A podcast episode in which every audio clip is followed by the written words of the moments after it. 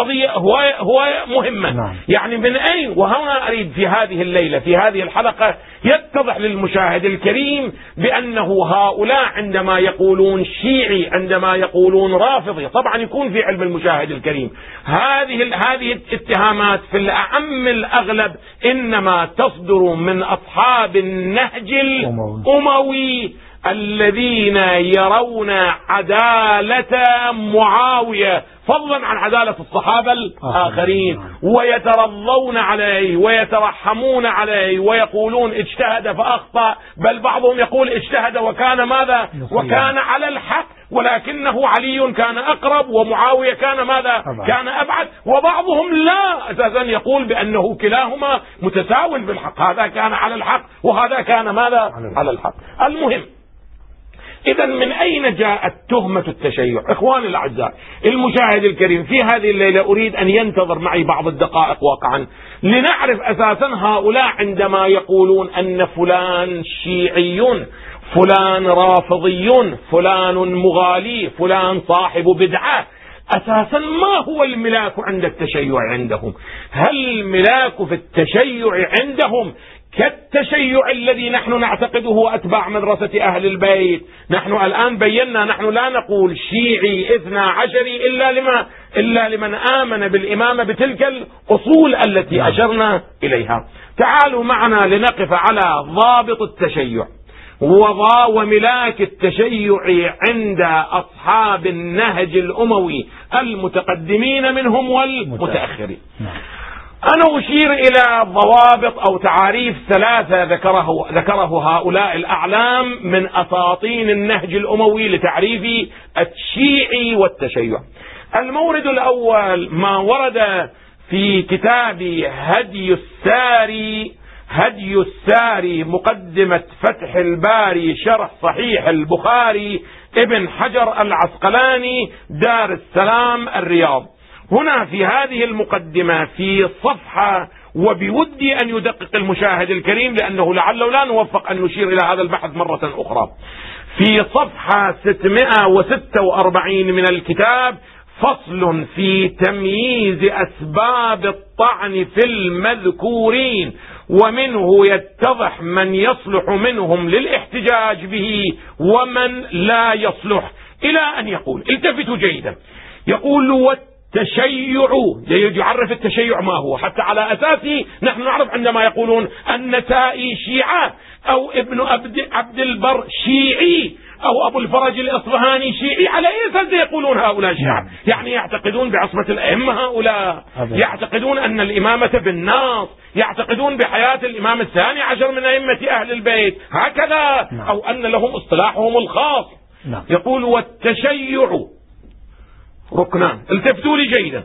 والتشيع محبة علي وتقديمه على الصحابة.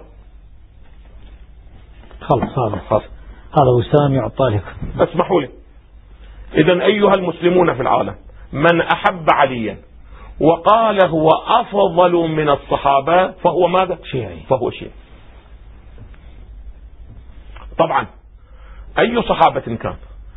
لكي لا تكون شيعيا. لا بد إما أن لا تحب عليا أصلا. فتخلص من القرار فتخلص من, فتخلص من هذه التهم تهمة الإرهاب والبدعة. نعم. هذه هذه التهمة اللي موجودة الآن في أمريكا وإسرائيل بأنه إما أن تكون معهم إما أنت ماذا؟ إما أنت إرهابي مولى نعم. هؤلاء نفس المنطق يستعملونه. إما أنك لابد إذا إما أن لا تحب عليا. خلاص. نخلص من القضية. ينتبه مثل معاوية وبني أمية. نعم. أبغضوا عليا. كانوا من النواصب كما قال ابن, ابن, ابن, ابن كثير في البداية والنهاية قال كل بني أمية كل زعمائهم كل خلفائهم كانوا ماذا؟ نواصب. كانوا من النواصب. نعم. هؤلاء خلصانين بعد الشيعة وليسوا بشيعة. ليسوا بشيعة. لا يمكن.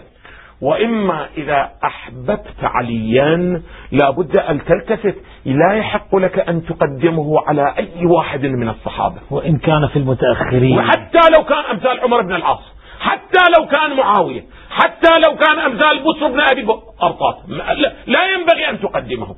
بمجرد أن تقدمه على أي صحابي حتى لو كان ذلك الصحابي منافقا فأنت ماذا؟ شيعي. فأنت شيعي.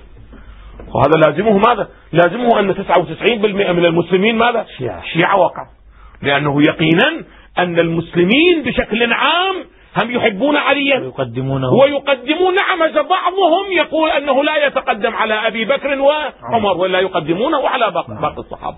التفتوا لي جيدا. إذا تعريف العسقلاني ابن حجر العسقلاني يقول التشيع هو محبة علي مرة أخرى أقرأ العبارة. بودي لمن يريد أن يقرأ هذه العبارة أو يكتب هذه العبارة. التفتوا جيدا. يقول التشيع محبة علي وتقديمه على الصحابة. جيد. والآن إذا قدمه على بعض الصحابة دون البعض الآخر يقول بل هذا التشيع. خب إذا قدمه على أبي بكر وعمر أيضا. يقول لا بعد هذا ليس شيعي هذا رافضي. إذا الآن بعد نتعلم اصطلاحات جديدة نعم. هؤلاء عندما يقولون شيعة مرادهم حب علي وتقديمه على بعض الصحابة. إذا قالوا را شيعي رافضي يعني قدم عليا على ماذا؟ أبي بكر وعمر. وإلا وإن أحب أبا بكر وعمر. ها؟ ها؟ نعم. انتبهوا جيدا. نعم. يكون في علمكم. مو أبغض أبا بكر وعمر. مو قال أن خلافتهما ليست شرعية. لا لا لا. فقط قال بتفضيل علي على أبي بكر وعمر. هذا صار ماذا؟ رافضي. رافضي. قال فمن قدمه على أبي بكر وعمر فهو غال في تشيعه ويطلق عليه رافضي. زين عرفنا الرافض. بل الآن اتضح الرافضي من هو؟ نعم. الرافضي. إذا كل العلماء كثير من علماء المسلمين مع أنهم يصححون خلافة أبي بكر وعمر إلا أنهم يفضلون من؟ عليا. يفضلون عليا على من؟ على أبي بكر على وعمر. أبي بكر وعمر. وإن كان يقولون بصحة خلافة أبي بكر نعم. ولكنه يقدمون المفضول على ماذا؟ نعم. على الفاضل قالوا ويطلق عليه رافضي. حتى الآن. فإن انضاف إلى ذلك السب أو التصريح بالبغض فغال في الرافض. أنا أتصور إذا صارت عندنا ثلاث اصطلاحات نعم. المشاهد الكريم لابد أن يلتفت أن هؤلاء عندما يقولون هذا شيعي هذا رافضي هذا مغال في الرفض ما هو مقصودهم؟ منه ابن حجر العسقلاني إن أحببت عليا وقدمته على الصحابة وإن لم تقدمه على أبي بكر وعمر نعم. فهو ماذا؟ أنت شيعي. فأنت شيعي. هذا معناه كما قلت أن عموم المسلمين بناء على هذا التعريف هم شيعة. وإن قدمت أحببت عليا وقدمته على أبي بكر وعمر فأنت رافضي. وإن أبغضت أبي أبا بكر وعمر فأنت ماذا؟ غال في الرفض. فأنت غال في الرافض هذا هو التعريف الأول الذي يذكره هذا الإنسان. التعريف الثاني. أنا أبين لك الضوابط نعم. حتى يتضح للمشاهد عندما يقولون ابن أبي الحديد شيعي مو مرادهم من الشيعي ماذا المعنى المصطلح للتشيع. وإنما هم وضعوا لأنفسهم معنى خاص للتشيع وللرفض ويطبقونه على هذا أو على ذاك التعريف الثاني للتشيع ما ذكره في ميزان الاعتدال للإمام أو الحافظ الذهبي ميزان الاعتدال في نقد الرجال. حقق هذا الجزء محمد رضوان عقرسوسي الرسالة العالمية. في الجزء الأول من هذا الكتاب في ترجمة أبان ابن إسحاق. يقول عفوا في ترجمة آه، آه، رقم الترجمة اثنين أبان ابن تغلب الكوفي. يقول شيعي نعم. جلد لكنه صدوق فلنا صدقه وعليه بدعته. يعني التشيع بدعة. بلي بلي هسه الآن يبين. مع صدقه بل بل مع أنه صادق. هسه التفتوا جيدا. يقول وقد وثقه أحمد بن حنبل وابن معين وأبو حاتم وأورده ابن عدي وقال كان غاليا في التشيع فلقائل أن يقول كيف ساغ توثيق مبتدع وحد الثقة العدالة والإتقان؟ فكيف يكون عدلا من هو صاحب بدعة؟ وجوابه أن البدعة على ضربين. التفتوا أيها المشاهد الكريم. حتى تعرفون أنه عموم المسلمين راح يصيرون أصحاب ماذا؟ بدعة. أصحاب البدعة الصغرى. نعم. فبدعة صغرى كالتشيع بلا غلو. فهذا كثير في التابعين وتابعيهم مع الدين والورع والصدق. هؤلاء أصحاب بدعة مساكين لأنهم أحبوا ماذا؟ عليا. أحبوا عليا. وليس أكثر. لا إله إلا الله. هو يقول يقول فهذا كثير. التفتوا أيها المشاهد الكريم. يقول فهذا كثير يعني البدعة الصورة. نعم. فهذه البدعة ما هي؟ حب علي ماكو شيء آخر. حب علي. وكأنه رسول الله لم يقل من لا يحبك إلا مؤمن ولا يبغضك إلا منافق, منافق. ولكن انظروا إلى التاريخ كيف كتب بأيدي هؤلاء الأمويين أيدي ملوثة في الواقع. واقعا انظروا إلى هذا هذا الخبث هذا التحريف في التاريخ. هذا التاريخ كتبه هؤلاء يعني الاتجاه الأموي يعني أعمدة ال ال ال ال ال النهج الأموي القدامى والمحدثين منهم كما سيتضح. يقول فهذا كثير في التابعين وتابعيهم مع الدين والورع والصدق. كل ذلك لا ينفع. كله لا ينفع. مقابل التشريع. المقابل يحب علي لابد لا يحبون عليا. أو إذا أحبوه لابد يخلوه في آخر قائمة الصحابة. فلو رد التفت تقول خب لماذا قبلتم حديثهم؟